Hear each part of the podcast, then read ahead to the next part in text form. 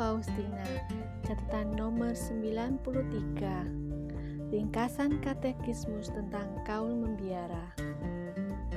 Apa itu kaul? Kaul adalah janji sukarela kepada Allah untuk melaksanakan suatu tindakan yang lebih sempurna. Apakah kaul mengikat dalam hal yang sudah ditentukan oleh peraturan? Ya, melaksanakan tindakan yang ditentukan oleh suatu peraturan memiliki nilai dan pahala ganda. Sebaliknya, mengabaikan tindakan seperti itu merupakan pelanggaran dan kejahatan ganda. Sebab, dengan melanggar kaul, dosa melawan perintah bertambah dengan dosa sakrilegi. Mengapa kaul-kaul religius memiliki nilai demikian tinggi? Karena kaul-kaul itu merupakan dasar hidup membiara yang disahkan oleh gereja, di mana para anggota yang terhimpun dalam suatu komunitas religius memutuskan untuk memperjuangkan kesempurnaan lewat sarana-sarana ketiga kaul religius, yakni kaul kemiskinan, kemurnian, dan ketaatan yang diamalkan sesuai dengan peraturan. Apa arti kata-kata memperjuangkan kesempurnaan? Memperjuangkan kesempurnaan berarti bahwa hidup membiara pada dasarnya tidak menuntut adanya kesempurnaan yang sudah dicapai, tetapi mewajibkan dengan sanksi dosa untuk setiap hari bekerja demi mencapainya.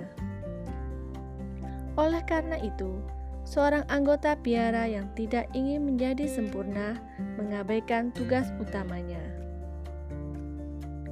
Apa yang dimaksud dengan kaul religius meriah?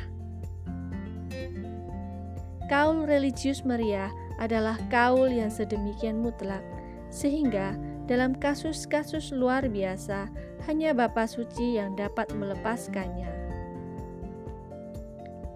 Apa yang dimaksud dengan kaul religius sederhana?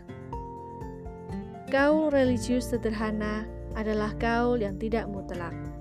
Tata suci dapat membebaskan orang dari kaul kekal dan kaul sementara. Apakah perbedaan antara kaul dan keutamaan? Kaul hanya terikat pada hal-hal yang diperintahkan dengan sanksi dosa. Keutamaan tidak terbatas pada hal-hal yang diperintahkan dan membantu mengamalkan kaul. Tetapi di lain pihak, dengan melanggar kaul, orang gagal melakukan keutamaan, bahkan merusakkannya. Kaul religius mewajibkan apa? Kaul religius mewajibkan manusia berusaha mencapai keutamaan dan menundukkan diri sepenuhnya kepada pimpinan serta peraturan yang berlaku. Dengan demikian, biarawan-biarawati menyerahkan dirinya sendiri kepada komunitas dengan melepaskan setiap hak atas dirinya sendiri dan atas tindakan-tindakannya. Semua itu ia kurbankan untuk melayani Allah.